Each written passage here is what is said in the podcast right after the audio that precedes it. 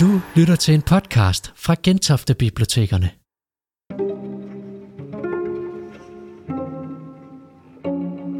Tirsdag den 19. januar 2021 kunne du opleve en livestream med Niels Bjerre Poulsen. Han er historiker med en Ph.D.-grad i amerikansk historie fra University of California. Han er ekspert i amerikansk politik, og denne aften fortalte han om USA på den anden side af valget. Vi byder velkommen til Niels Bjerre Poulsen. Jeg har sammensat et foredrag, som både handler om, hvad der kommer til at ske måske her i de næste dage, og også lidt om, hvad der er sket øh, i de foregående fire år, og lidt især måske, hvad der er sket her siden valget i, i november. Og jeg håber, jeg har fået lagt mine slides i den rigtige rækkefølge. Jeg er ikke sikker på, at det altid er den mest logiske rækkefølge. Det kan også være, at jeg har alt for mange af dem, men øh, det kommer vi til at finde ud af undervejs. Der er i hvert fald øh, nok at tale om. Jeg vil prøve at give et billede af, øh, hvor USA befinder sig lige nu. Øh, alt efter hvor man står måske øh, i synet på præsident Trump, han er i hvert fald præsident et døgn endnu, som del af vandene, så kan man have en forskellig opfattelse af, hvad der er sket de sidste fire år, men jeg tror, rigtig mange amerikanere har en opfattelse af, at det her har været et meget, meget mørkt kapitel i amerikansk historie, og der er også en forhåbning hos mange om, at der starter et, et nyt kapitel i, i morgen. Øh, så enkelt går det måske ikke, men øh, Bidens budskab har i høj grad været det her, at Amerika er tilbage, at øh, Øh, man kan så spørge, hvor har Amerika været væk? Øh, måske ikke væk fra vores tv-skærme, men lad os prøve at finde ud af, hvad øh, Biden forestiller sig eller mener, når han siger, at Amerika er tilbage. Jeg vil lige vise jer først et lille klip fra Biden præ- præ- øh, præsenterede noget af sit, øh, eller en del af sit ministerhold. Bare lige høre, hvad han sagde i den forbindelse. Her er vi altså efter, han havde sikret sejren, men øh, på et tidspunkt øh, her for øh, et par måneder siden efterhånden. Så lad os høre, hvad Biden havde at sige der. Today, I'm pleased to announce nominations and staff for critical foreign policy and national security positions in my administration. It's a team that will keep our country and our people safe and secure. And it's a team that reflects the fact that America is back, ready to lead the world, not retreat from it. Once again, sit at the head of the table, ready to confront our adversaries and not reject our allies, ready to stand up for our values. In fact, in calls from world leaders that I've had, about 18 of them or 20 so far, I'm not sure the exact number, in the week since we won the election, I've been struck by how much they're looking forward to the United States reasserting its historic role as a global leader, both in the Pacific as well as the Atlantic, all across the world. The team meets this moment, this team behind me. They embody my core beliefs that America is strongest when it works with its allies Collectively, this team has secured some of the most defining national security and diplomatic achievements in recent memory, made possible through decades of experience working with our partners. That's how we truly keep America safe without engaging in needless military conflicts and our adversaries in check and terrorists at bay. And that's how we counter terrorism and extremism, control this pandemic and future ones deal with the climate crisis, nuclear proliferation, cyber threats and emerging technologies that spread authoritarianism, and so much more. Okay, Today, jeg hopper videre her. Øh, så Biden lagde stor vægt på øh, også, hvordan USA bliver opfattet uden for USA. Øh, forholdet til USA's traditionelle allierede, som han hævdede, Trump havde øh, behandlet mindre godt og svækket båndene til, samtidig med, at øh, øh præsidenten altså havde ligesom afveget fra det øh, ansvar, som de fleste, eller stort set alle præsidenter indtil Trump efter 1945 har følt, at USA skulle have en ledende rolle i det internationale system. Og det er selvfølgelig klart, at det var det, han præsenterede her, hvor det var hans udenrigspolitiske hold. men øh, jeg tror, det er meget symptomatisk for øh, den opfattelse af, at de sidste fire år har været en undtagelse, og at Biden forestiller sig, han skal reparere noget, som er gået øh, i stykker de sidste fire år.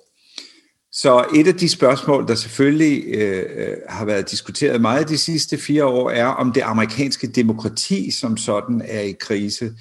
Øh, hvad er det, der er sket? Er det et særligt amerikansk fænomen? Er det noget, som har været knyttet til Donald Trumps personlighed? Eller var Trump snarere et symptom på, eller er et symptom på et øh, nogle større øh, hvad skal vi sige, konflikter i det amerikanske demokrati. Og det er måske værd at hæfte sig ved øh, titlerne på en lang række af de bøger, der er kommet øh, de sidste fire år i USA.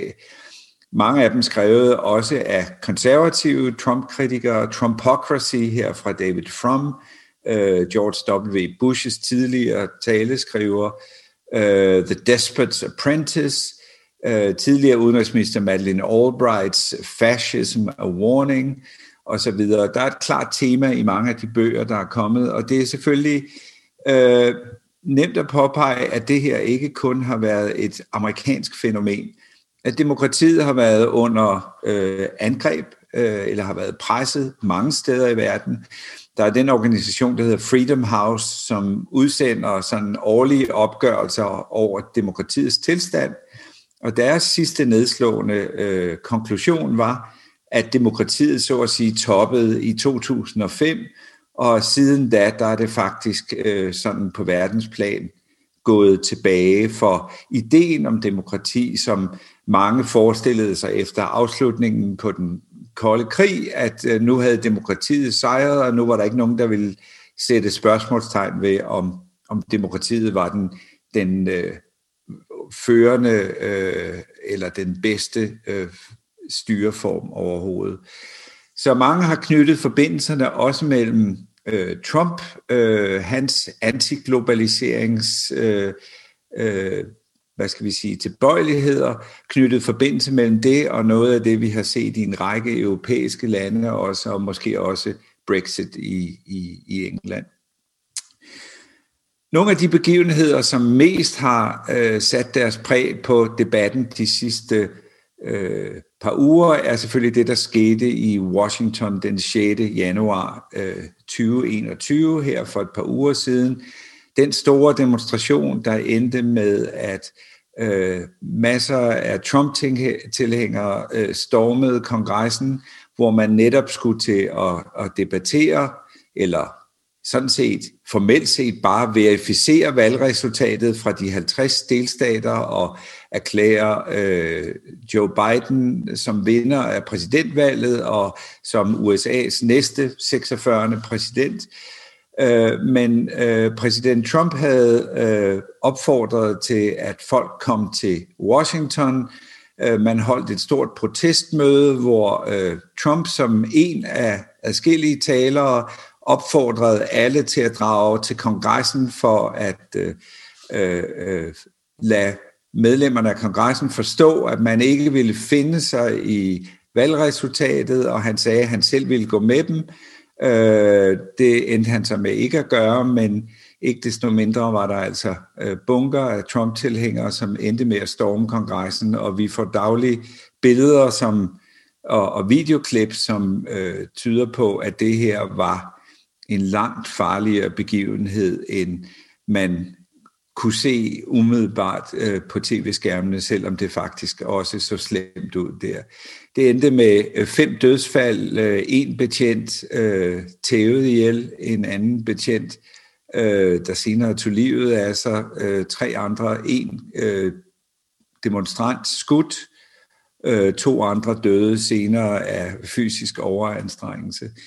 Lad os lige se et lille klip her. Øh, det er sådan samme klip, hvor øh, angrebet på kongressen er klippet sammen med Trumps tale. Det er den, I hører i baggrunden. Den, han holdt, og den, som er måske den primære anledning til, at der nu er anlagt en rigsretssag mod Trump for at have opildnet til øh, oprør, eller tilskyndet til oprør, hedder det vel på dansk. Lad os lige se lidt af begivenhederne her. We're gathered together in the heart of our nation's capital for one very, very basic and simple reason to save our democracy. We have hundreds of thousands of people here, and I just want them to be recognized by the fake news media. Turn your cameras, please, and show what's really happening out here because these people are not going to take it any longer because you'll never take back our country with weakness. You have to show strength and you have to be strong. We will never give up. We will never concede. It doesn't happen. You don't concede when there's theft involved. Our country has had enough. We will not take it anymore. We will stop the steal. We will not let them silence your voices. We're not going to let it happen. They've used the pandemic as a way of defrauding the people. We want to go back and we want to get this right because we're going to have somebody in there that should not be in there, and our country will be destroyed, and we're not going to stand for that. For years, Democrats have gotten away with election fraud. Republicans are constantly fighting like a boxer with his hands tied behind his back. It's like a boxer. And we want to be so nice. We want to be so respectful of everybody, including bad people. And we're going to have to fight much harder. But just remember this you're stronger, you're smarter, you've got more going than anybody. And they try and demean everybody having to do with us. And you're the real people. You're the people that built this nation. You have to get your people to fight. And if they don't fight, we have to primary the hell out of the ones that don't fight. And our election was so corrupt that in the history of this country, we've never seen anything like it. Why wouldn't they let us verify signatures in Fulton County, which is known for being very corrupt? They won't do it. Okay, så det var uddrag fra uh, Trumps tale, uh, som selvfølgelig ikke er det eneste grundlag for uh, den rigsretssag, som bliver ført. Øh, Øh, den var kulminationen på en proces, som startede med øh, Trumps valgnederlag den 3. november, som fortsatte med beskyldninger om svindel ved valget, som derefter førte til forsøg på at overtale øh, medlemmer af de lovgivende forsamlinger i de stater, som Trump havde tabt, til at ændre valgresultatet, til at forkaste valgresultatet i deres egen stat. Øh, 61 øh, retssager, 61 tabte retssager, og så til sidst denne her opfordring til, at vicepræsident Mike Pence, øh, som skulle procedere for øh, denne her formalitet, som er, at øh, de, en, de 50 stater overdrager deres valgresultater, og så bliver det læst op, hvor mange valgmandsstemmer, der er givet til hver kandidat, at øh, der havde øh, præsident Trump fået den det indtryk øh, fra andre, at det var noget, vicepræsidenten kunne forkaste et valgresultat. Det fortalte vicepræsident Pence ham, at det kunne han ikke. Han skulle sådan set bare læse valgresultatet op, med det resultat, at mens alt det her stod på, så sendte Trump tweets ud, hvor han øh, skrev, at han var blevet forrådet af vicepræsidenten, og forsamlingen, som I så her, øh, byggede en galge udenfor, og mange af dem råbte, øh, hæng Mike Pence, altså hæng vicepræsidenten. Øh, mange flere havde strips med, så der er en formodning om, at det her var langt mere end øh, spontane uroligheder. Det her var et forsøg på for det første at forhindre verificeringen af valgresultatet, men også at måske tage gisler øh, fra medlemmerne af kongressen og øh, jeg tror ikke, man skulle forstå det metaforisk, det med at, at hænge vicepræsident Mike Pence. Så der er forløbig foretaget øh, en lang række arrestationer, der kommer flere i de kommende dage, og det som øh, statsanklagerne i Washington er ved at undersøge er, hvor direkte forbindelserne var mellem arrangørerne af det her, og så den planlægning, som havde foregået inden Øh, ikke måske fra alle deltagere, men der var deltagere der med militær erfaring og med et klart overblik over, hvor de skulle rundt i bygningen. Men lad os ikke fortabe os i det. Det her den 6. januar, tror jeg, øh, bliver en mærkedag i amerikansk historie. Den kommer til at stå i de amerikanske historiebøger øh, de næste mange øh, årtier. Det var første gang kongressen i USA blev angrebet siden øh, englænderne angreb det i, i krigen i 1812, eller rettere, det kalder man krigen, det var i 1814, de angreb øh, øh, den amerikanske kongres. Og det var også første gang, tror jeg, vi så et øh, væbnet oprør på den måde øh, fra siden den amerikanske borgerkrig brød ud i 1861. Det, der selvfølgelig var ganske anderledes, var, at denne her gang blev det ansporet direkte af USA's egen præsident, der altså på en gang var øh, præsident, øh, stod for de væbnede styrker, men også samtidig blev en slags øh, oprørsleder.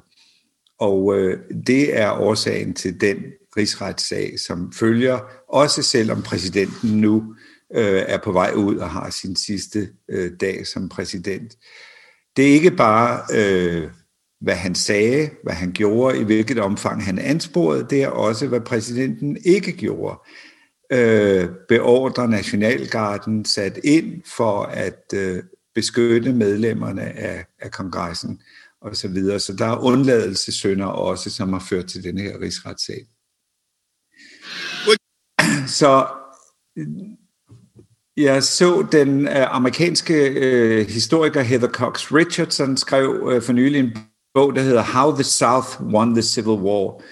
Og, øh, og en bog, der øh, beskæftiger sig med øh, lange, de lange træk i amerikansk øh, historie, men også hvordan øh, no, beretningen om den tabende part i, i øh, den amerikanske borgerkrig, konfederationen, hvordan konfederationen fik lov til at fortælle sin egen historie om, hvad borgerkrigen havde handlet om, og hvordan øh, til en vis grad øh, sydstaternes værdier kom til at invadere amerikansk politik og blive en del også af sådan patriotiske symboler.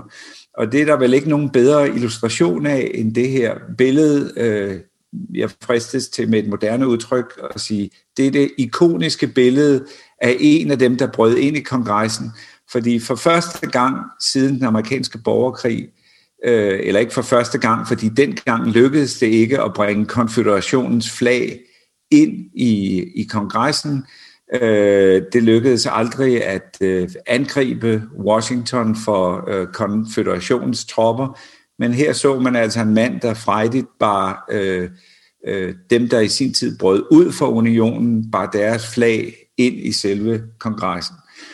Og jeg synes, det gør nogle interessante tanker om, om det, vi har været vidner til de sidste øh, uger. Den her underlige blanding eller forestillingen om, at man gør noget patriotisk, samtidig med det, man i virkeligheden er i gang med at væbnet oprør mod USA og et angreb på det amerikanske øh, demokrati.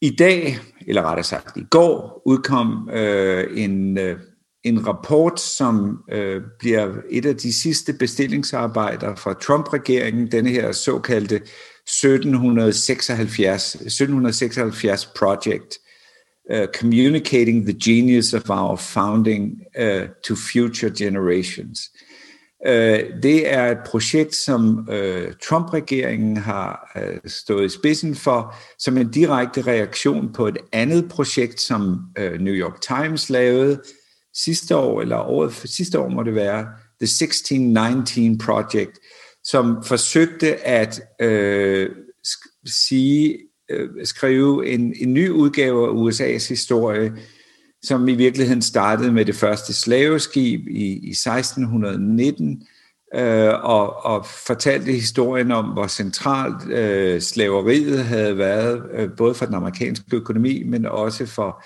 opbygningen af det amerikanske øh, samfund.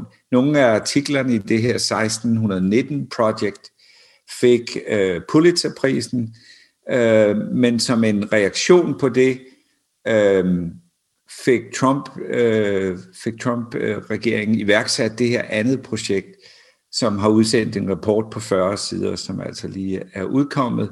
Og det er sådan en idé om, at øh, ikke øh, ligesom genskabe en mere øh, glamorøs fortælling måske om, om amerikansk historie, det, der er interessant, er, at af alle forfatterne er der faktisk ikke en eneste historiker blandt dem. Der er et par politologer, og ellers er der øh, folk fra det republikanske parti. Men øh, den blev offentliggjort faktisk på Martin Luther King Day i, i, i går, som en direkte reaktion.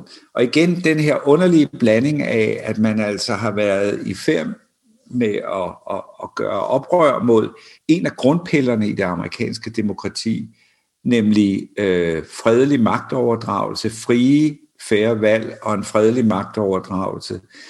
Øh, så et helt håndgribeligt angreb, øh, et kupforsøg øh, i virkeligheden, uanset hvor dårligt det så var udført, et angreb på den amerikanske kongres på et tidspunkt, hvor den skulle opfylde sin øh, foreskrevne rolle med at øh, godkende øh, det netop overståede valg, resultatet af det netop overståede valg.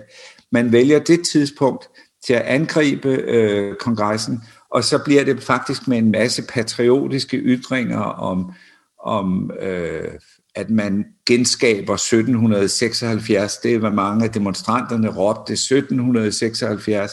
Med andre ord, det her var en, en revolution, ligesom den revolution, som øh, mundede ud i uafhængighedskrigen i sin tid.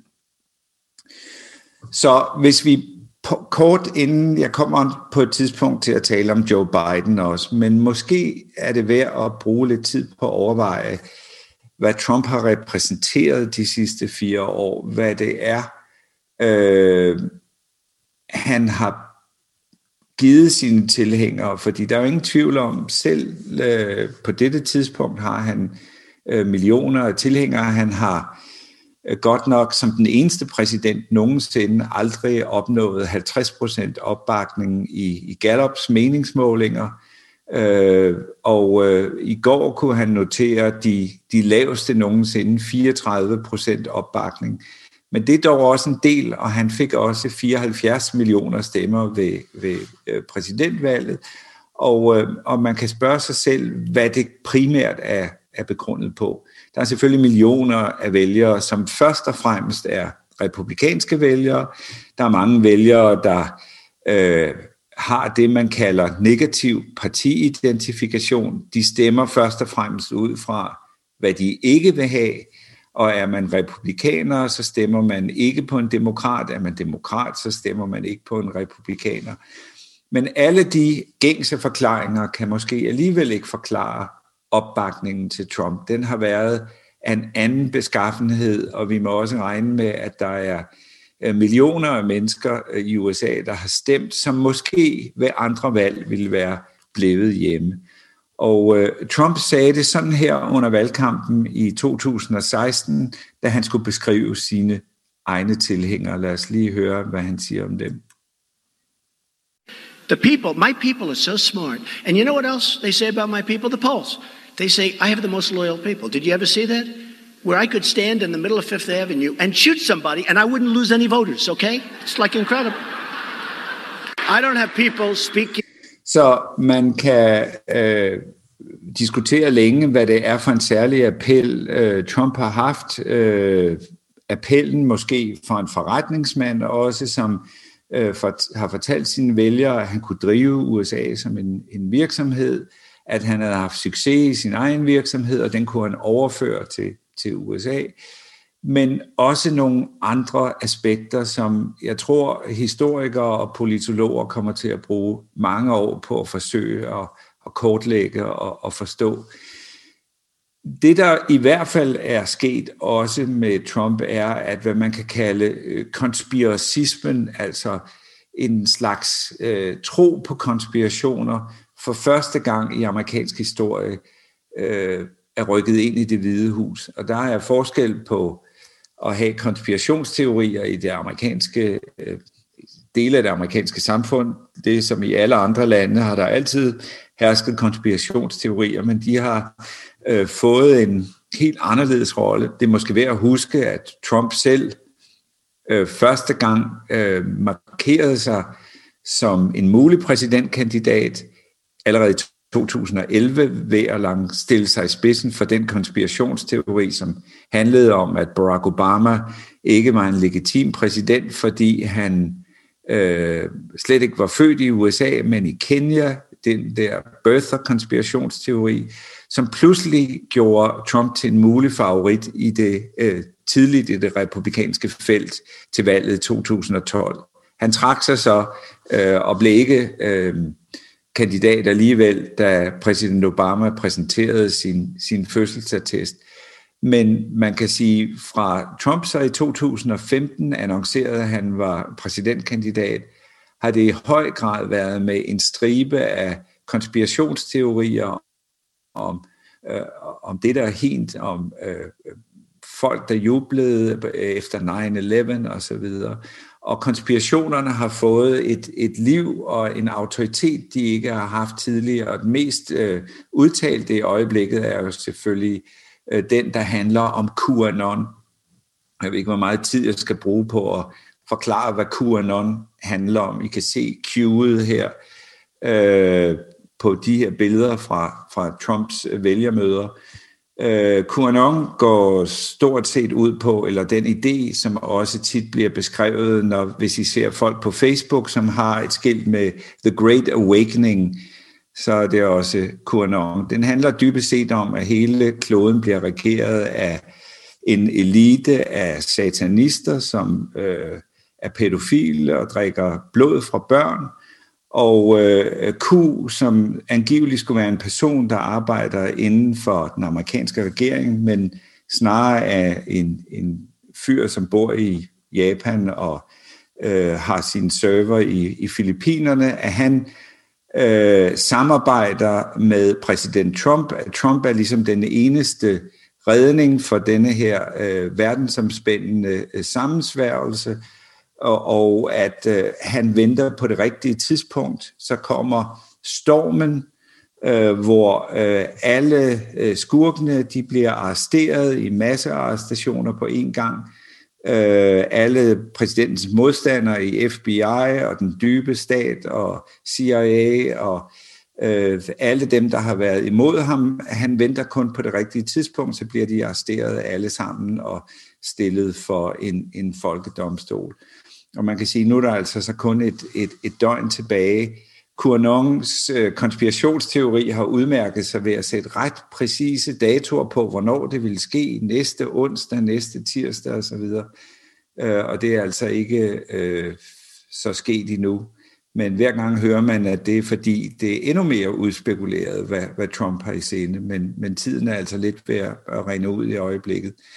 Øhm, Lad os lige se et klip, hvor en journalist spørger øh, præsident Trump for et par måneder siden, til hvordan han forholder sig til den del af hans øh, tilhængere, som øh, tror på denne her QAnon-teori. Og øh, der er noget meget karakteristisk ved den måde, Trump svarer på, øh, som han også tidligere har talt om andre, The Proud Boys og andre øh, grupper, som han siger, at han kender ikke rigtig noget til dem, men han har hørt, at de godt kan lide ham. Og det er også nogenlunde det svar, han giver her. Så han øh, vil ikke tage, om jeg så må sige, modet fra øh, tilhængere, som han måske øh, burde lægge afstand til. Lad os lige høre, hvad han har at sige om QAnon.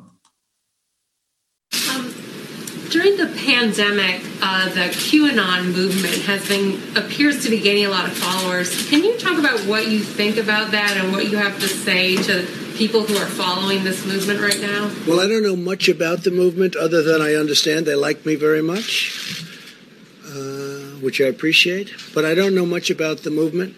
Uh, I have heard that it is gaining in popularity, and from what I've heard, it's these are people that when they watch the streets of Portland when they watch what happened in New York City in just the last six or seven months. But this was starting even four years ago when I came here. Almost four years, can you believe it? Uh, these are people that don't like seeing what's going on in places like Portland and places like Chicago and New York and other cities and states. And uh, I've heard these are people that love our country and they just don't like seeing it. So I don't know really anything about it other than they do supposedly like me, and they also would like to see problems in these areas, like especially the areas that we're talking about, go away because there's no reason the Democrats can't run a city. And if they can't, we will send in all of the federal, whether it's troops or law enforcement, whatever they'd like. We'll send them in, we'll straighten out their problem in 24 hours or less. Okay, okay så et, øh, et svar, som sådan set ikke har noget at gøre med, øh, hvem QAnon er, men bestemt heller ikke den afvisning, som mange også republikanske politikere havde øh, ventet. Og det vi så ved valget i november er jo, nu er der også blevet et, valgt et par medlemmer ind i det republikanske parti i, i repræsentanternes hus, som støtter denne her øh, QAnon-bevægelse. Så, så man kan sige, de har fået et fodfæste øh, de sidste par år, som det er svært at forestille sig, de ville have fået under, under nogen anden præsident. En anden gruppe, som virkelig var en overraskelse, hvor Trump også har haft øh, stor støtte, af faktisk blandt øh, kristne evangelikale. Øhm, jeg tror ikke mange havde forestillet sig, at Trump ville blive opfattet netop af evangelikal kristne i USA som en type, øh, de ville støtte. Og det var der heller ikke Trump, de oprindeligt støttede i 2016. Det var nemlig øh, ham her, øh, Ted Cruz, der var Trumps nærmeste konkurrent øh, i det republikanske felt. Her er han med den øh, politiker, der også støttede Ted Cruz, nemlig Mike Pence, som senere blev øh, Trumps vicepræsident. Og øh, det Trump gjorde meget dygtigt, kan man sige, var, da det stod klart, at det var ham og ikke Ted Cruz, der ville blive partiets kandidat, så gjorde han dels øh, Mike Pence til vicepræsidentkandidat, den samme øh, Mike Pence, som øh, Øh, demonstranterne for 14 dage siden ville hænge uden for kongressen. Øh, Pence er øh, evangelikal kristen, og øh, Samtidig lovede Trump så øh, evangelikale vælgere, at de kunne få lige præcis de dommer, de gerne ville have udnævnt, hvis han fik en liste, og det fik han fra det, der hedder The Federalist Society, så øh, kunne de få dommer, som var godkendt i den forstand, at de var øh, Øh, modstandere af fri abort osv. Og der er udnævnt rigtig mange federale dommere og tre højesteretsdommere de sidste, de sidste fire år. Så det er en vigtig grund til, at de her kristne evangelikale vælgere har holdt fast i Trump. Men alligevel, hvis vi ser på, hvordan de samme vælgere tidligere, øh, når de blev spurgt, hvad de lagde vægt på hos en kandidat, så var det kandidatens personlige adfærd, hans moral, hans, hvordan han levede sit eget liv. En præsident skulle være et, et forbillede. Og det er der, der skete det største skred. Hvis I kigger i den anden kolonne fra venstre, White Evangelical Protestants, og det er primært hvide evangelikale vælgere, vi taler om, så kan I se i 2011, øh, der var det øh, kun 30 procent, øh, der sagde, at øh, en person, som i sit private liv øh, ikke opført sig moralsk, kunne godt være øh, opfylde sine øh, forpligtelser som præsident. Øh, Øh, fem år senere var det steget til 72 procent, så et dramatisk skift i, hvordan kristne evangelikale har opfattet præsidentembedet efter Trump øh, blev præsident, eller da øh, de støttede Trump til præsidentposten. Øh, det samme her, øh, hvor de blev spurgt, om det var meget vigtigt, øh, hvordan en præsident, om han havde stærke religiøse overbevisninger. Øh, I 2011, der var det en, en overvejende del, der mente, det var vigtigt. I 2015, der var det tal altså øh, skrumpet en del. Så der var mange øh, kristne evangelikale, som fik overbevist sig selv om, at godt nok var øh, Trump måske ikke ligefrem en af deres, men det var heller ikke en, som en præst udtrykte, en alderdreng, de havde valgt. Øh, men Gud havde en særlig, øh, en særlig mission måske med, med netop øh, Donald Trump. Nogle øh, forsøgte at forklare deres støtte til Trump, ikke bare med udnævnelsen af dommer, men også med, at han øh, ligesom i Bibelen var sådan en kong Kyros, som selvom han ikke selv var troende, så havde været med til at udfri øh, jøderne fra, fra Babylon. Så en, en udefra kommende, som øh, alligevel gjorde det rigtige. Øh, men efterhånden kan man sige, var der en del af de kristne evangelikale, som i højere og højere grad så Trump som et særligt øh, redskab for, for Gud, og måske øh, gik væsentligt længere i deres øh, støtte til Trump, end de fleste havde øh, forventet på forhånd. Så resultatet er vel i dag, at man ser en meget delt nu, hvor Trump øh, dels skal stilles for en rigsret, dels ikke være genvalg. Der er der en stor splittelse øh, blandt kristne evangelikale. Øh, det har virkelig til en slags øh, selvrentagelse i nogle grupper i hvert fald. Jeg kan se, at mit kamera falder ud her med mellemrum. Jeg skal se, om jeg kan få det til at virke. Det vigtigste er, at I kan se mine slides. Den bliver ved at slukke øh, kameraet.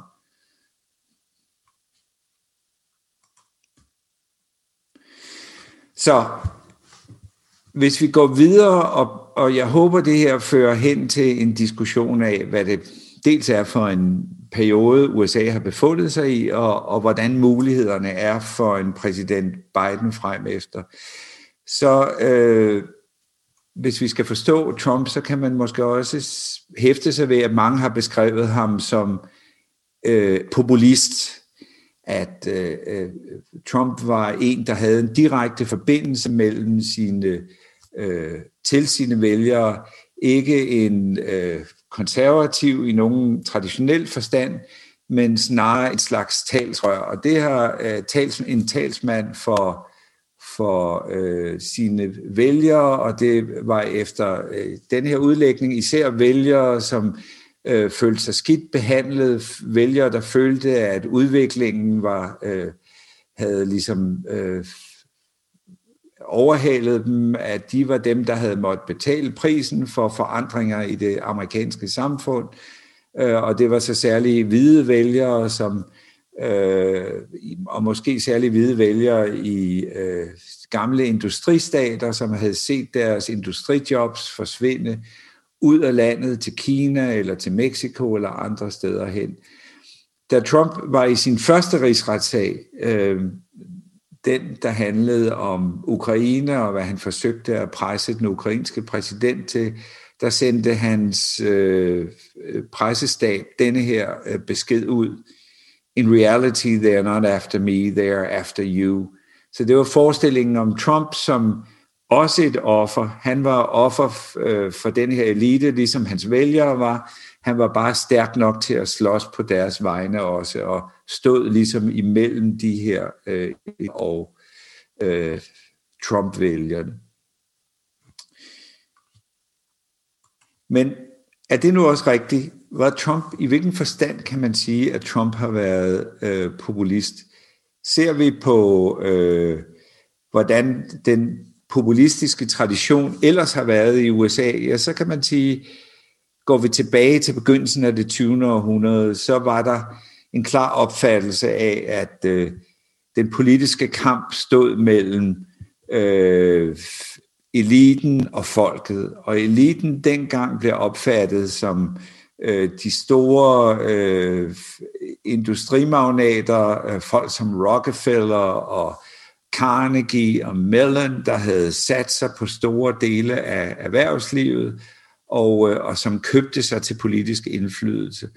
Og der var et krav om politikere, som på en eller anden måde dannede modvægt til de her interesser for at stoppe de store monopoler osv. Så, videre. så det var sådan en, hvad skal vi sige, venstreorienteret udgave af, hvad populisme er. Højrepopulismen er måske i højere grad en opfattelse af en middelklasse, som bliver klemt ovenfra og nedenfra på en gang. At der både er, øh, der er en elite, som har slået sig sammen med, om det er illegale immigranter, der får lov at komme ind i landet, eller hvad det er, men at de fra hver side klemmer en, en middelklasse.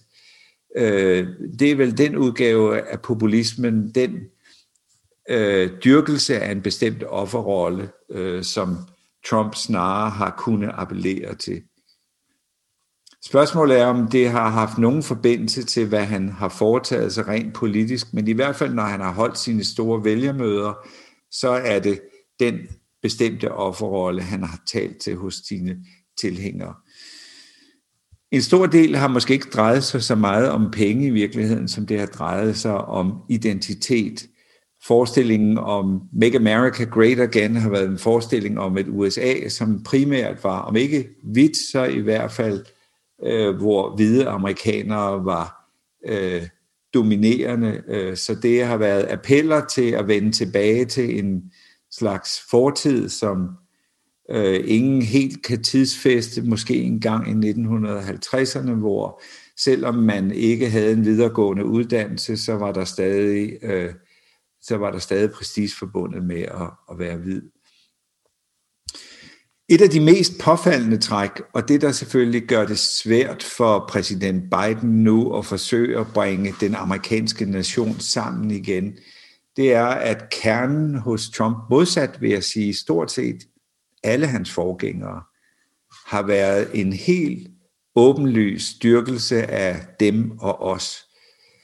Hvor de fleste har haft en forventning om, at en valgkamp er dem mod os, men det øjeblik, man vinder øh, et valg, så øh, stiller præsidenter sig op som forenende skikkelser og taler om os, den amerikanske befolkning, så har Trump vedholdt de her rallies, selvom der ikke var valgkamp, øh, har han holdt rallies i alle fire år, hvor han har talt om de blå stater, dem der ikke stemte på ham, og på de røde stater, og på øh, byer, blå byer med øh, demokratiske guvernører, eller stater med demokratiske guvernører, byer med demokratiske borgmestre osv.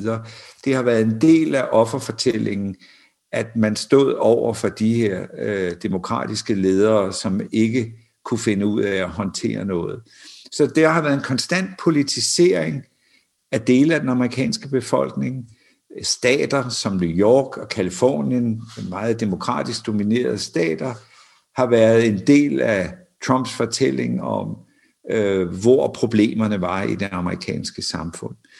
Og det har så også påvirket den øh, pandemi, som har fået så øh, uhyggelige følger i USA. Øh, vi er slås selv med den, de fleste lande slås med den, men i USA har man trods alt øh, oplevet dødstal, som er fire-fem gange højere, end hvad vi kender i, i Danmark, hvis man skulle sammenligne det.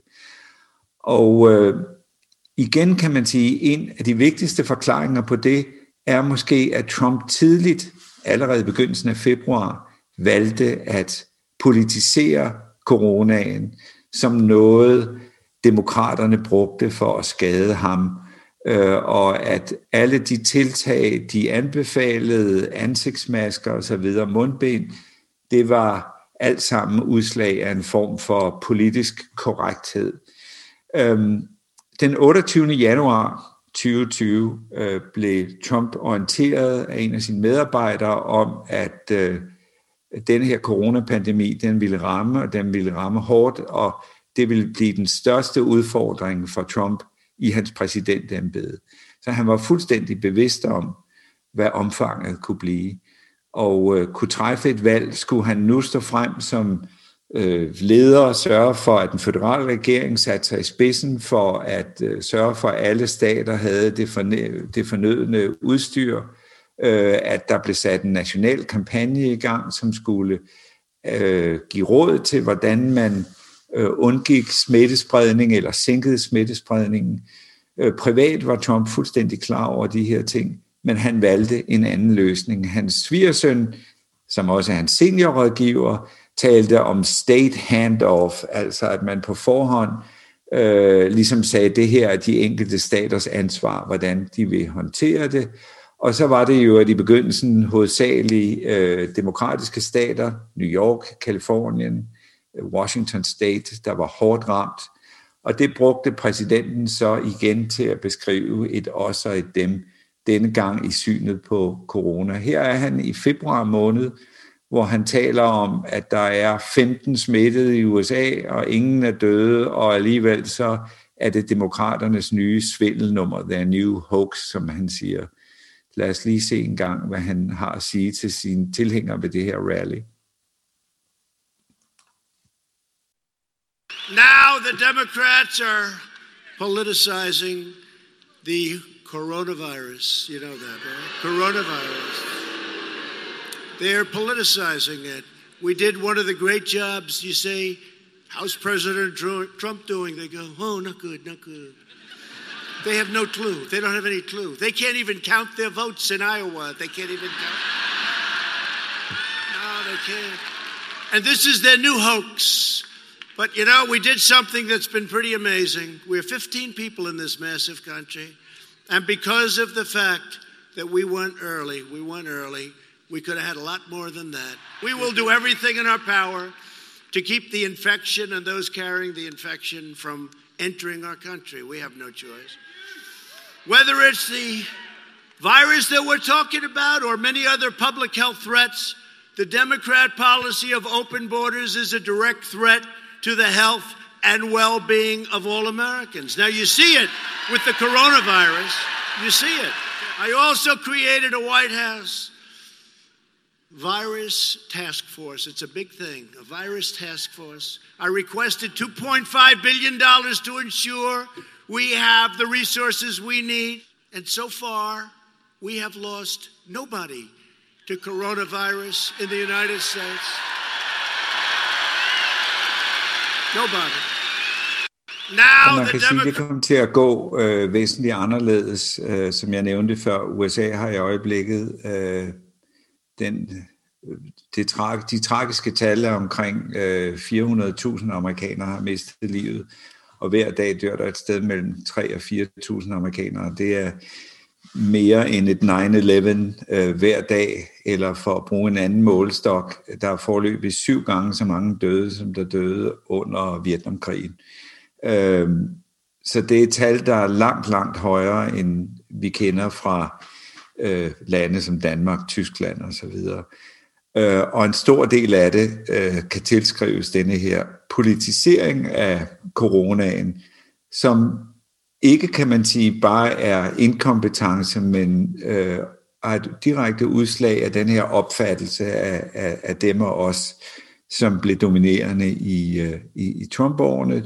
Måden at bruge det på til at beskrive øh, demokrater som hændervridende, overforsigtige, øh, mens øh, republikanere de ikke lå under for forestillinger om, at nu skulle man til at holde afstand og bruge mundbind og så videre.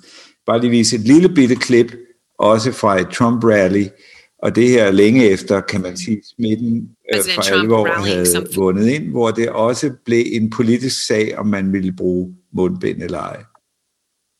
President Trump rallying some 1,400 supporters in New Hampshire.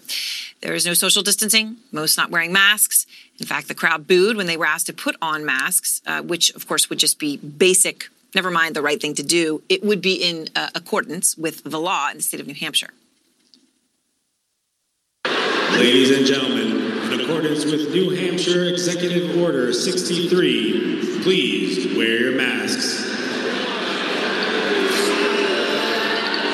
Så forsamlingen, der buer her, øh, da de får at vide, at de ifølge loven skal have en, en, en maske på. Øh, Øh, man kan sige, det blev en dig, vigtig del i, i, øh, i Trump-årene, og det er på ingen måde noget øh, konservativt princip, nærmest tværtimod, kan man sige. Øh, det her med dels at øh, gøre op med normer for, hvordan præsidenten skulle opføre sig, eller øh, normer for, hvad Øh, staten fortalte en, man skulle gøre eller burde gøre. Øh, Øh, mange har talt om det som owning the lips, altså de liberale skulle gøre øh, og, og, og tage fusen på liberale ved at lade være at gøre de ting, som eksperter og andre siger vil være det rigtige at, at gøre. I kan se et skilt her, som i øvrigt øh, fra valgkampen Øh, der var en noget anderledes tone, før Trump tabte valget her. Fuck your feelings, øh, kunne man se på en lang række flag. Så det blev en vigtig del af, af, af hvad skal man sige, Trumpismens projekt, at gøre op med, at der var nogen, der skulle fortælle en, hvordan man øh, undgik, at smitten blev spredt osv. Øhm, så man kan spørge sig selv, Trump talte ofte om den, den dybe stat, og om denne her øh, idé om, at øh, der var nogen i den dybe stat, som forsøgte at forhindre ham i at gøre det rigtige. Jeg tror, der var en appel, som på en eller anden måde, kan man sige, øh, den yderste højrefløj mødtes med øh, en appel, som man før typisk ville finde på, måske i 60'erne på, på venstrefløjen snarere. Øh, jeg vil lige vise jer et klip, som jeg synes er lidt interessant. Øh, det er Trump, der taler om øh, Øh, militæret, øh, at øh, generalerne bryder sig ikke om ham, men øh, de menige soldater elsker ham, at han er overbevist om. Og øh, det får han formuleret på en måde, som gav mig mindelser om øh, Bob Dylans sange øh, Masters of War eller andet fra begyndelsen af, af 60'erne. I hvert fald ikke noget konservativt budskab, kan man sige. Lad os lige høre øh, Trump her. With him, he's right on tape, and you don't want to cover it. You should be ashamed of yourselves. The press should be ashamed of themselves. With Biden, shipped away our jobs, threw open our borders, and sent our youth to fight in these crazy, endless wars. And it's one of the reasons the military, I'm not saying the military is in love with me, the soldiers are. The top people in the Pentagon probably aren't because they want to do nothing but fight wars so that all of those wonderful companies that make the bombs and make the planes and make everything else stay happy. But uh, we're getting out of the endless wars. You know how we're doing. We defeated 100 Så, så her har vi hele forestillingen om det militærindustrielle kompleks, og at alle generalerne er i ledtog med våbenproducenter, og øh, det er i virkeligheden af, af dem, der trækker USA ind i, i, i krige.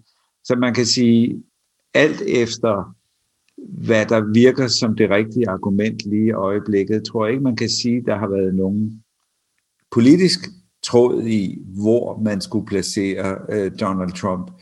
Dybest set mener jeg, at han er nihilist. Øh, han er trumpist i den forstand, at han tænker, hvad han selv står for i det pågivende, øh, pågældende øjeblik, øh, er det, han så øh, siger.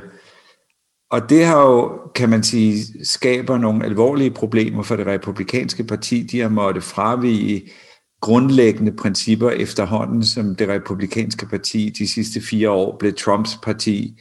Deres syn på frihandel, deres syn på alliancer som øh, NATO eksempelvis.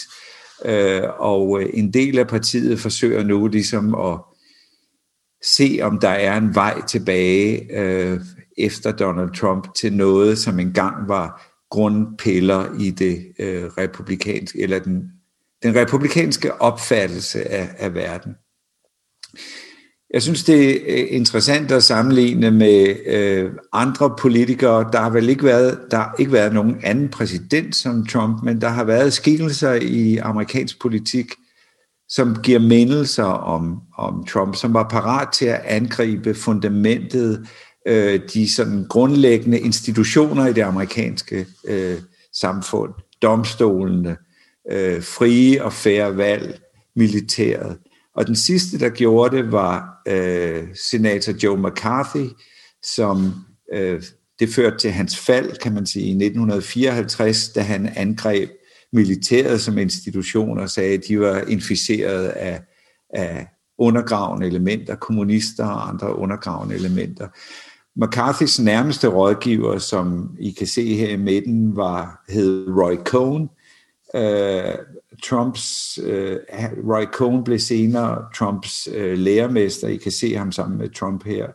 Den, der uh, både var uh, økonom eller, eller slået juridisk rådgiver uh, og, uh, og advokat for, for Trump, uh, og som i høj grad, kan man sige, gav ham en form for politisk skoling i, hvordan han skulle fungere som entreprenør i, i New York. Øh, nogen er måske klar over, at Trump øh, flere gange refererede, da han var utilfreds med sin første justitsminister, øh, Jeff Sessions, sagde han, where's my Roy Cohn? Han ville have en, en, øh, sådan en, øh, en, en wingman som Roy Cohn til at bakke ham op, og det fik han så med sin anden øh, justitsminister, William Barr. Okay, ja, som man sagde i Monty Python, now for something completely different. Øhm, sige lidt om amerikansk identitet og den debat, som udspiller sig nu og kommer til at udspille sig også fremover her. Om øh, hvad er Amerikas sjæl, og hvordan øh, har den lidt skade i de sidste fire år. Mange amerikanere øh, beskriver USA som en nation af immigranter. Øh, der er en forestilling om, at det er det, der er det særlige ved USA, at ikke bare har der været mange immigranter, men immigranterne er USA's historie, eller kernen i amerikansk historie. Øh, der er det her berømte billede, eksempelvis fra 1869, øh, Thomas Nast, tegneren, som i øvrigt øh, selv var immigrant fra Tyskland, øh, Øh, beskrev Uncle Sams Thanksgiving dinner her, og det er sådan den, det noget idealiserede billede af det amerikanske samfund, hvor man ser øh, kinesere, sorte, hvide, øh, indfødte indianere, øh, hispanics og folk af alle arter samlet omkring øh, det, det samme bord her. Øh, det er selvfølgelig en idealiseret øh, udgave, og sådan har øh, øh, udviklingen i den amerikanske befolkning ikke altid formet sig. Der har været øh, knaster, man kan sige, der har været en anden tradition, som også var der hele tiden. En alternativ tradition, nativism vil nogen måske kalde den, her er et flag fra det parti, der hed The Know Nothings, eller The Native American Party, som var fremtrædende i, øh, i 19, ja, slået, der står 1950'erne, 1850'erne selvfølgelig. Øh, et parti, som først og fremmest kæmpede mod øh, katolsk indvandring.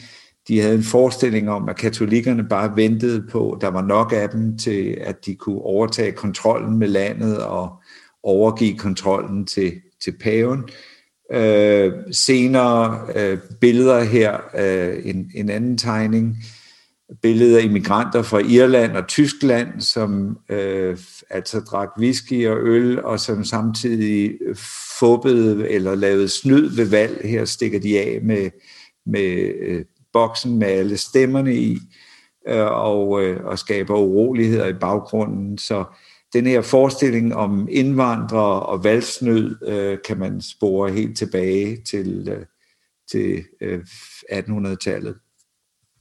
1916 kom denne her indflydelsesrige bog, The Passing of the Great Race, som også talte om, at USA var øh, på, på sådan en selvmordskurs, fordi der kom alle de her immigranter fra øh, Østeuropa og alle mulige andre steder inden fra øh, det nord, fra Nordeuropa, og at øh, de hvide amerikanere fra Nordeuropa var så civiliserede, at de ikke var parate til at, at forsvare amerikansk identitet øh, over for de her nye grupper, så kom ind. Så, så jeg mener, immigration har været øh, et gennemgående tema, men det har også været øh, under angreb, eller der har været en alternativ tradition hele vejen igennem fra folk, som øh, havde en anden opfattelse af, hvad den amerikanske drøm handlede om.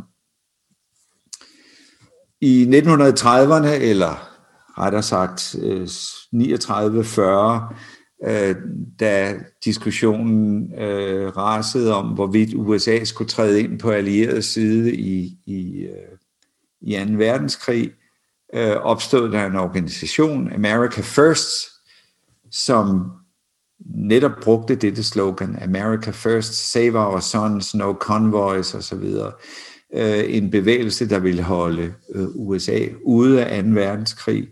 For nogens vedkommende, øh, fordi de var pacifister, men for andres, fordi de måske havde sympati for, for den tyske side i krigen. Den ledende talsperson blev Charles Lindbergh, den berømte pilot, Senere blev øh, America First sloganet øh, brugt af ham, I kan se nederst her, øh, Pat Buchanan, øh, som både stillede op til præsidentvalget i, eller prøvede at blive republikanernes kandidat i 92 og i 96, og igen i, i 2000 forsøgte han at blive kandidat, eller blev han kandidat for det, der hedder Reformpartiet.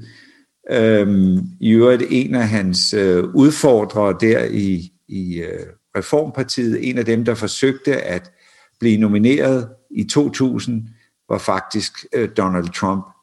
Og Donald Trump angreb Pat Buchanan og sagde, at det der America First, han var jo en Hitler-elsker, hvis han øh, støttede America First, altså Pat Buchanan var. Og øh, ironien er så selvfølgelig 16 år efter, øh, kopierede Donald Trump nærmest ord for ord øh, Pat Buchanans politiske program fra 2000 og gjorde det til sit eget endnu en gang også under sloganet øh, America First. Øhm, hvis vi ser, der er en lang øh, historie, det må blive et andet foredrag om, hvordan partierne er blevet så splittede, som de er i, i USA, og hvordan polariseringen er blevet så voldsom. Det er en, selvfølgelig en stor del af forklaringen på, at en kandidat som Donald Trump overhovedet kunne komme øh, i nærheden af at vinde et præsidentvalg i, i, i USA.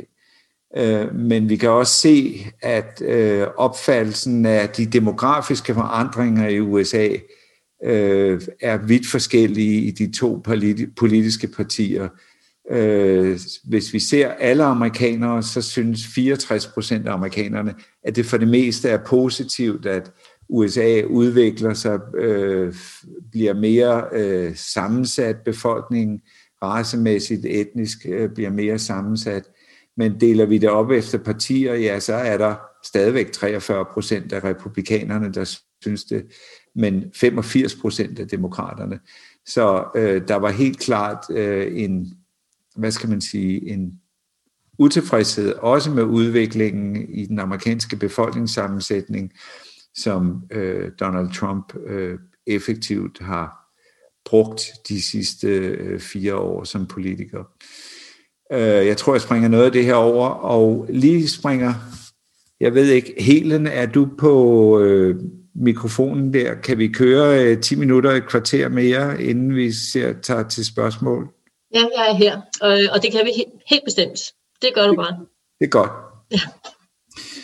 Øhm, hvis vi ser til, går, springer tilbage og ser på, hvad der skete ved valget den 3. november, øh, så øh, allerede fra foråret 2020 øh, gøde præsident Trump jorden ved at sige, at, øh, at allerede der stod det klart, at på grund af coronapandemien og det omfang, den havde, så var der usikkerhed om, hvordan man kunne afvikle øh, valget. Øh, skulle man gøre det nemmere at komme til at brevstemme eksempelvis? Øh, skulle man øh, have længere valgperioder? Hvad ville der ske, hvis folk skulle stå i kø i fem timer for at komme til at afgive deres stemme? Øh, hvad ville der ske med, med pandemien? Øh, så øh, det stod klart, at brevstemmer ville blive øh, en, en stor del af løsningen. Og allerede for foråret begyndte øh, Donald Trump at mistænkeliggøre øh, brevstemmer. Der var allerede mange stater, som altid har brevstemmer, og også nogle stater, der udelukkende har brevstemmer, så man havde gode erfaringer med øh, brevstemmen. Men præsident Trump fortalte sine tilhængere, at det ville kun føre til svindel og snyd, hvis, øh, hvis man brevstemte. Og det, der stod ret klart, var, at der var forskel på, hvor mange demokrater, der ville brevstemme, og hvor mange republikanere, der ville brevstemme. Her kan I se yderst til højre, øh, 67 procent af dem, der har tænkt sig at stemme øh, tidligt eller brevstemme, øh, de stemmer på Biden, og 31 procent vil stemme på Trump. Så der var en klar bevidsthed om, at der vil være flere Trump-tilhængere på valgdagen, og der vil være flere Biden-tilhængere, der havde brevstemt. Det er måske værd at huske, at i 2016 var det ikke brevstemmer, Trump mistænkeliggjorde, der var det dem, der mødte op og stemte. Selv efter han havde vundet, hævdede han, at øh, der var altså øh, 3 til 5 millioner øh, vælgere, der hed illegale immigranter, der havde stemt, og de havde ligefrem kørt rundt i, i busser til valgstederne og stemt flere gange, eller de var gået ud og havde taget en hat på og kom ind igen og stemte. Så, så der var det almindelige øh, selve valgprocessen, som den, som den foregik på valgdagen, øh, Trump mistænkeliggjorde. Øh, men i 2020 var det altså specielt brevstemmerne, han mistænkeliggjorde. Og inden valget øh, gav han klart udtryk for, at hvis han tabte, så ville det være på grund af snyd. Han ville ikke kunne tabe, sagde han, hvis ikke det var fordi, der ville være snyd. Så det var en forventning allerede hos mange øh, Trump-tilhængere, som kunne se meningsmålinger og se, at øh, Joe Biden førte ret stort 7, 8, 10 procent konsekvent fra juni måned og ind til november. Der var faktisk ikke en eneste meningsmåling, hvor Trump førte. Alligevel var det en klar overbevisning hos millioner af Trump-vælgere, at øh, det var fake news, han ville vinde det her valg stort. Så øh, det forklarer noget af baggrunden for, at det har været muligt at overbevise så mange amerikanere efter valget om, at der var snyd ved valget. På trods af, at man nu gennem flere måneder ikke har kunne finde et eneste eksempel på, hvad vi kalder systematisk snyd. Altså ikke 1, 2, 3 falske stemmesedler, men systematisk snyd. Noget, der har ændret valgresultater nogle steder. Og ikke desto mindre har Trump allerede for før valget, og især efter valget, altså sendt de her tweets ud i en evig strøm, om, at øh, valget var stjålet for ham. Han havde vundet stort, øh, så det var kun svindel, øh, der gjorde, at han ikke øh, fortsat ville være præsident. We will soon be learning about the word courage and saving our country. I received hundreds of thousands of legal votes, more in all of the swing states than did my opponent. All data taken after the vote says that it was impossible for me to lose unless fixed. Det er selvfølgelig intet på sig, man kan sige. Ikke alene tabte Trump, han tabte solidt eller stort med 7 millioner stemmer.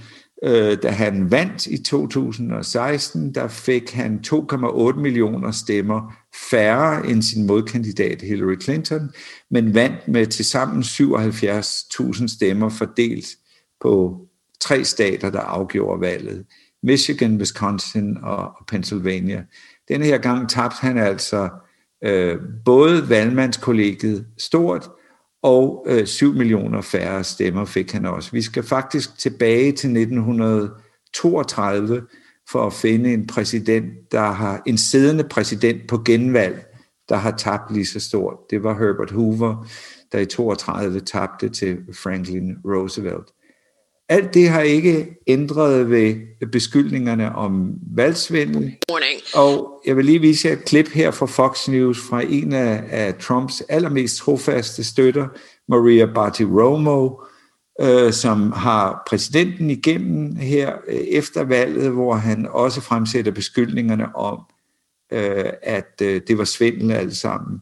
Men prøv lige at høre, hvordan hun som journalist formulerer spørgsmålet til ham. Morning. And now the President of the United States, Donald J. Trump, on the telephone. Mr. President, thank you very much for being here. Thank you, Maria. Thank you.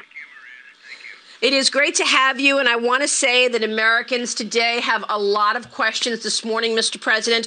We hope that you can be as precise as possible and we can get through as much as possible this morning. Thank you for talking with us in the first interview since Election Day. Mr. President, you've said many times that this election was rigged, that there was much fraud, and the facts are on your side. Let's start there. Please go through the facts. Characterize what took place. Well, first of all, I have to start by saying the whole world is watching, and nobody can believe what they're saying. And you have leaders of countries that call me and say that's the most messed up election we've ever seen. Uh, you start with these machines that have been suspect, not allowed to be used in Texas, uh, the Dominion machines, where tremendous uh, reports have been put out. We have. warning. Okay, so allerede uh, intervieweren siger altså, der har været massiv snyd her. Uh, uden at have noget som helst øh, belæg for det. Og Trumps første forklaring er så, selve valgsoftwaret. De maskiner, der er lavet af Dominion, som blev brugt i 28 af de amerikanske øh, stater. Den vender jeg lige tilbage til om et øjeblik. Det, der fulgte øh, efter forsøgene på at overtale øh, valgtilforordnede i de enkelte stater til at kassere valgresultaterne øh, i de pågældende stater, som Trump havde tabt, ikke i nogle af de stater, han havde vundet, men øh, i de stater, han havde tabt, og som var afgørende. Øh, efter det, så startede en hel bølge af retssager, og øh, Trump-folkene tabte altså øh, 61 retssager på stribe. Øh, det, der typisk skete, var, at når de mødte op i, i retssalen og skulle tale under ed, så var det nogle andre påstande, de kom med, end dem, de ville sige offentligt, hvor de talte om snyd. Fordi de vidste, at øh, hvis de påstod det under ed, under retssagen, så tegnede det sig anderledes. Så der var det et spørgsmål om, øh, valgobservatørerne havde stået for langt væk fra dem, der talte stemmerne op, eller hvad det måtte være. Men uden for retssagene, Øh, salene, øh, der førte de altså øh, pressemøder, hvor der kom voldsomme påstande om valgmaskiner, der havde ændret øh, Trump-stemmer til Biden-stemmer osv. Øhm, to af retssagerne havnede i højesteret, blev afvist med dommerstemmerne 9-0, øh, ganske enkelt fordi der absolut intet belæg var for de her sager. Men lad os lige høre et par af Trumps advokater her fremføre de her øh, helt ekstraordinære påstande. Talking about some massive straight lines up in the vote tallies in the middle of the night after they've supposedly stopped counting. And that's when the Dominion operators went in and injected votes and changed the whole system. And it affects votes around the country, around the world, and all kinds of massive interests of globalist dictators, corporations, you name it. Everybody's against us except President Trump and we the people of the United States of America. Så påstanden er altså, at det var øh, Hugo Chavez fra Venezuela, som havde udviklet det her valgsystem, selvom han har været død i syv år, sammen med George Soros og øh, Bill og Hillary Clinton og Bill Gates og øh, Øh, andre, som havde øh, lavet valgmaskiner, der simpelthen konverterede Trump-stemmer til øh, Biden-stemmer. Og øh, det, lad os lige se et øh, eksempel mere her, øh, fordi det vedrører staten Georgia, som øh, Trump også tabte, overraskende måske tabte, øh, og øh, hvor han efterfølgende forlangte en genoptælling i hånden af alle stemmerne. Det blev gjort, øh, gav samme resultat som maskinoptællingen. Så lavede man en til genoptælling, den førte også til det samme resultat. Så man kan sige, der var absolut intet, der tydede på, eller det var klart, at intet ved maskinerne havde ændret på valgresultatet. Alligevel var præsidentens udlægning her. Lad os lige høre en gang.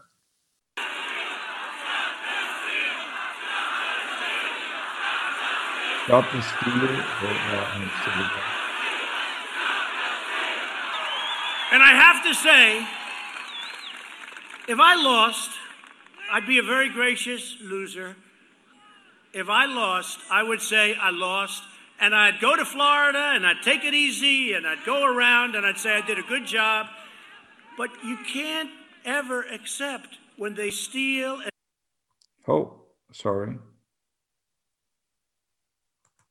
And rig and rob. Can't accept. Well, the Democrats did try to steal the presidency. They're trying like hell. Do you ever notice the fake news? Okay, så øh, samme påstand igen. Reaktionen fra det republikanske parti var øh, blandt andet den her. Der var for det første øh, næsten ingen republikanske medlemmer af kongressen, som tog ønske øh, Joe Biden tillykke med valgsejren. Nogle af dem gjorde det privat, men de ville ikke have millioner af Trump-tilhængere øh, på nakken. Øh, så øh, påstanden om, at øh, øh valget ikke var overstået endnu, at man først skulle igennem en helt stribe retssager, blev fuldt af påstanden om, at øh, nu måtte vi se, hvordan valgmændene afgav deres stemme. Det gjorde de så 16. december, hvor de alle sammen afgav stemmerne i overensstemmelse med, hvad vælgerne i deres stater havde bestemt. Så øh, Biden vandt, og pludselig dukkede en ny dato sig op, nemlig den 6. januar, øh, hvor mange sagde, øh, jamen det skal først formelt godkendes af øh, øh, kongressen, og hvis der er et medlem af repræsentanternes hus og et medlem af senatet, som protesterer mod valgresultatet, så skal vi igennem to timers diskussion om valgresultatet i de stater, hvor de protesterer. Og det er altså efter, at alle 50 stater havde verificeret deres valgresultat, at det var korrekt, så det var blevet godkendt i de lovgivende forsamlinger i de 50 delstater. Andre republikanere sagde som det citat her, øh, hvad er der så galt ved, Trump har, kan ikke rigtig acceptere, at han har tabt, kan vi ikke bare ligesom lade ham rase ud og brokke sig, og han gør jo ikke noget for at aktivt øh, forhindre øh, magtoverdragelsen. Han spiller golf hver weekend. Øh, det er jo ikke sådan, at han ligefrem øh, lægger planer eller har kupplaner for at forhindre Joe Biden i at blive svoret ind som præsident 20. januar. Han udfylder nogle, han øh, anlægger nogle retssager og så videre, og de bliver så afvist, og så sender han nogle tweets om, at valget bliver stjålet, og så forsvinder han. Men man kan sige, det udviklede sig jo klart til at være mere end bare det. Hvis vi ser på den amerikanske regering, ikke på præsidenten, ja, så havde øh, Trump en ansvarlig for uh, valgsikkerheden, for cybersikkerheden. Han hedder Chris Krebs, og han havde øh, blev rost af alle for at have gjort et fremragende job, forhindret udenlandske magter denne gang i at øh, hacke sig ind eller forsøge at få, på, øh, at få indvirkning på valget. Og øh, Chris Krebs og alle de kontorer, der havde med det her at gøre, fra Department of Homeland Security til Justitsministeriet, sendte en erklæring ud, hvor de sagde, at det her valg havde været det sikreste valg afholdt nogensinde. Lad os lige se et lille klip med Chris Krebs, som taler om valgresultatet her. There has been another major shakeup in the federal government tonight. President Trump, while denying his defeat, has just fired Chris Krebs, who is the director of the Cybersecurity and Infrastructure Security Agency. He has been credited by many for securing the U.S. elections against domestic and foreign interference. To help us now understand what may be behind this latest move, our Nick Schifrin is back. So, hello again, Nick. Uh, remind us who Chris Krebs is and what his job was. Yeah, Judy Krebs was a kind of election czar. He was one of the country's top cybersecurity officials. He took the intelligence community's materials that they gathered about overseas interference and passed that on to local officials. He also ensured domestic voting equipment was uh, secure, uh, and he took domestic disinformation as well head on. He received bipartisan support, Judy, uh, as you just said, uh, in the days after the election, that he and his team succeeded at securing the election. But tonight, the president has tweeted this, and I'm going to read the whole thing for you. The recent statement by Chris Krebs on the security of the 2020 election was highly inaccurate in that there were massive improprieties and fraud, including dead people voting, poll watchers not allowed into polling locations, glitches in the voting machines, which changed, votes from Trump to Biden, late voting, and many more, therefore effective immediately. Chris Krebs has been terminated as director of the Cybersecurity and Infrastructure Security Agency. Uh, okay, så, um, så det der skete var, at øh, de ansvarlige den amerikanske regering sagde, at det her er det sikreste valg nogensinde. Øh, de oprettede også en hjemmeside, der skulle afvise alle de myter, som opstod og cirkulerede på YouTube og andre steder med folk, der havde set ekstra øh, stemmer blive smidt øh, i, og, eller folk, der meddelte, at øh, jeg så de her stemmer, og så gik jeg ud på toilettet, der kom tilbage, var de væk. Øh, alle de historier, der cirkulerede, og som var blevet afvist i 61 øh, retssager, og øh, præsidentens reaktion på det var altså at fyre den øh, valgansvarlige Chris Krebs, som kom i øvrigt fra en stilling i Microsoft, øh, og så øh, vedholde, his, øh, bibeholde historien om, at det hele var svindel. Her i sidste uge skete der noget ret interessant, eller faktisk begyndte for et par uger siden, hvor firmaet, der hedder Dominion, som I nu har hørt nævnt et par gange, dem, der har lavet valgmaskinerne, pludselig sagde, nu er det nok. Øh, nu anlægger vi simpelthen sager for bagvaskelse mod alle de journalister på Fox, øh, øh, Newsmax, OAN, andre stationer og enkeltpersoner, som øh, bliver ved med at påstå, at vores maskiner altså laver stemmer om, øh, eller er udviklet af Hugo Chavez i Venezuela. De sagsøgte blandt andet hende advokaten i så før, øh, Sidney Powell, en af Trumps advokater, for halvanden milliard. Og pludselig kom der på mange af tv-stationerne berigtigelser, øh, erklæringer om, at øh, de havde ikke noget belæg for at sige, at øh, der var noget galt med valgmaskinerne, sådan som de ellers hele tiden havde sagt.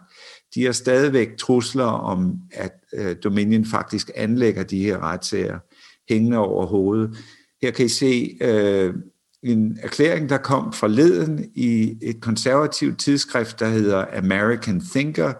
De har også haft masser af historier om øh, de her valgmaskiner, der lavede snyd, og øh, de blev så truet øh, med sagsanlæg, øh, et sagsanlæg, som Dominion sagtens ville kunne vinde, fordi det ville ikke være svært at, at bevise, at det var bagvaskelse.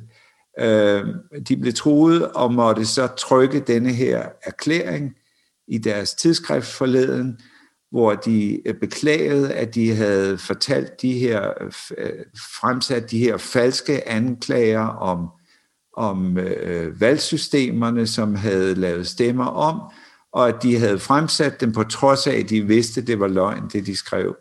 Uh, we discredited sources who have peddled debunked theories about supposed ties to Venezuela, fraud on Dominion's machines osv. Um, these statements are completely false and have no basis in fact, and public officials alike have confirmed that Dominion conducted appropriately and that there's simply no evidence to support it. Og så den. It was wrong for us to publish these false statements. We apologize for all the harm this has caused them and their employees osv. Så det var et sidste forsøg på at forhindre at få en retssag på, på nakken ved at gå med til at trykke denne her erklæring, hvor man dybest set indrømmer, at, at det var svindel. Ikke valget var svindel, men påstandene var svindel.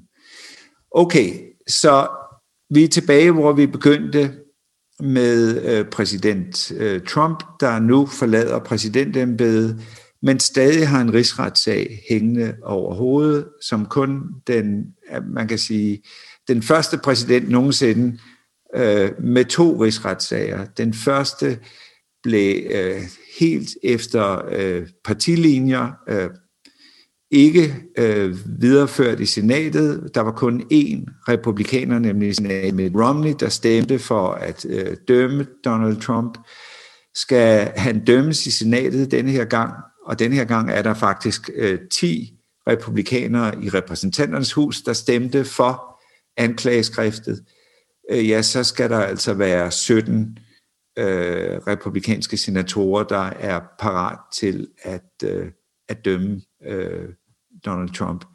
Det er meget usikkert, om man kan få 17 øh, republikanere til at gøre det i senatet. Mange af dem er stadigvæk øh, bange for ham, kan man sige, eller især bange for hans vælgere. Men udelukke det kan man ikke, fordi det man så kan gøre, hvis Trump bliver dømt, så holder man en afstemning lige efter, som øh, drejer sig om, hvorvidt han har ret til at stille op til præsidentposten igen, stille eller søge andre embeder. Og stemmer man om, at han efter at have opbildet til oprør, øh, ikke kan stille op mere, ja, så øh, vil det befri en del af det republikanske parti for, og en del mulige præsidentkandidater for truslen om, at Donald Trump de næste fire år vil stå på sidelinjen og, øh, erklærer, at han stiller op igen i, i 2024 til, til præsidentvalget. Så øh, man kan sige, at der er folk i øh, det republikanske parti, der også har en interesse i øh, at øh, forhindre det. Så der er en slags borgerkrig i det republikanske parti. Øh, vi har set øh, nogle af de senatorer, som var parate til at protestere mod valgresultatet. Ham I ser øverst er helt klart, var helt klart øh, en mulig præsidentkandidat i 2024, den unge Josh Hawley fra, fra øh, øh, Missouri. Øh, jeg tror, han er toast efter det, han gjorde den 6. Her kan I se øh, sende signal eller øh, en gestus til demonstranterne. Øh, det billede fortryder han sandsynligvis bitterligt. Nedenunder kan I se 11 andre senatorer, som inden urolighederne brød ud, havde erklæret, at de ville protestere over øh, valgresultatet.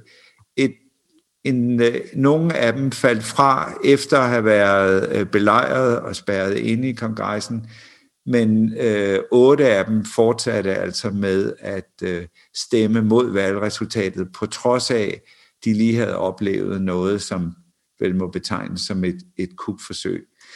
Men der er republikanere, som klart har sagt fra. En af dem er nummer tre i rangorden i repræsentanternes hus. Det er Liz Cheney, datter af den tidligere vicepræsident Dick Cheney, og øh, hun begrundede, hvorfor hun stemte for, at øh, Donald Trump skulle dømmes.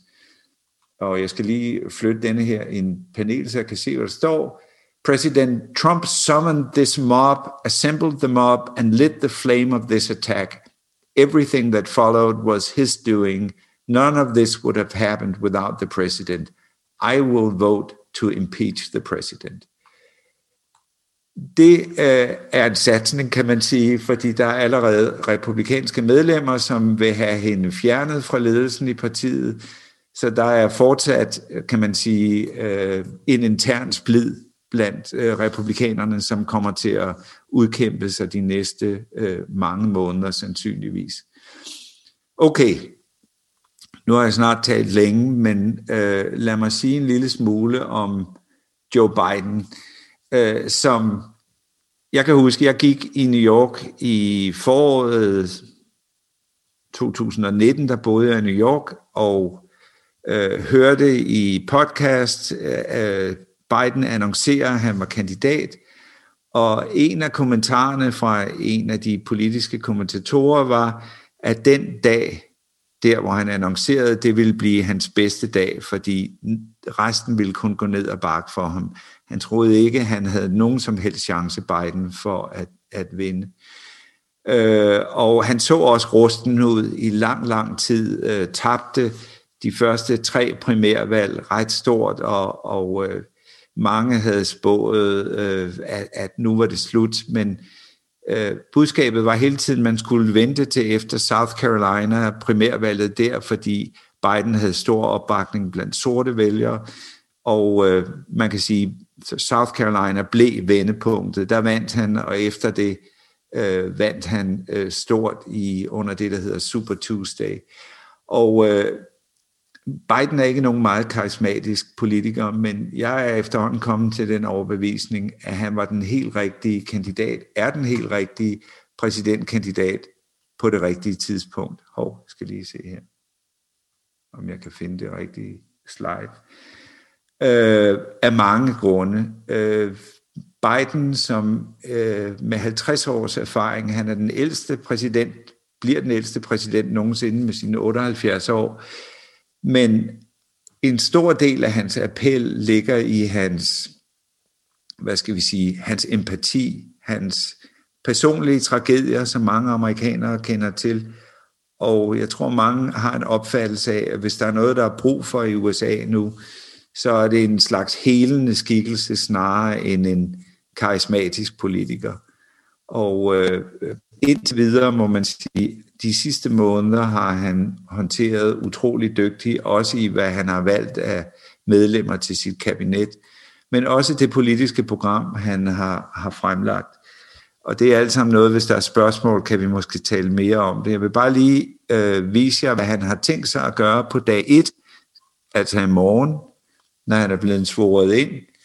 Så vil han øh, per dekret omgøre øh, det indrejseforbud, The Muslim Travel Ban, som øh, øh, Trump øh, fik iværksat. Han vil tilslutte USA Paris klimaaftalen, Parisaftalen igen. Han vil forlænge fristen for, hvornår man kan blive sat ud af sit hus, eller øh, blive tvunget til at tilbagebetale øh, studielån på grund af coronapandemien her. Han vil indføre et øh, for eller et krav om mundbind i alle føderale bygninger og for alle, der rejser mellem stater i 100 dage, øh, begyndende fra i, i, altså i morgen. Og så vil han arbejde på at genforene de familier, som øh, bliver adskilt på øh, den sydlige, USA's sydlige grænse, de børn, der blev taget fra deres øh, forældre, øh, og som har opholdt sig, og hvor man øh, Trump-regeringen ikke har gjort meget for at øh, genforene de familier. Så det er hans dag et. Øhm, efter det er der et program på 10 dage, meget ambitiøst program, og spørgsmålet er selvfølgelig, og det er igen måske til et andet foredrag, hvordan hans betingelser så er for at få gennemført det. De er blevet betydeligt bedre nu, hvor øh, demokraterne har, om ikke et flertal, så i hvert fald jo et spinkelt flertal. Det står 50-50 i senatet, og øh, med Kamala Harris, vicepræsidenten, som den, der procederer i senatet, der har man et, et, et, et øh, lille overskud på 51 og nok til, at øh, der ikke mere er en republikansk leder, Mitch McConnell, som kan forhindre, at øh, lovforslag kommer til afstemning i, i senatet. Sidst, men ikke mindst, et kig på hans øh, nominerede til de forskellige kabinetsposter. Man kan sige, det er, hvis, det er, hvis vi husker billedet af USA som immigrantnation, så er det vel det mest sammensatte øh, kabinet, den mest sammensatte administration øh, man nogensinde har set i amerikansk historie, øh, Øh, både hvad angår køn, race, etnicitet og øh, for den sags skyld også seksuel orientering. Så øh, man kan sige, der er et klart signal også fra Biden i, hvordan han har valgt øh, sit kabinet, og hvad det er for folk, han, han, han bringer sammen her. Der er en forestilling om, at personnel is policy, at de folk, der bliver indsat, skal afspejle øh, det amerikanske samfund, som det ser ud. Jeg tror, jeg vil øh, slutte her.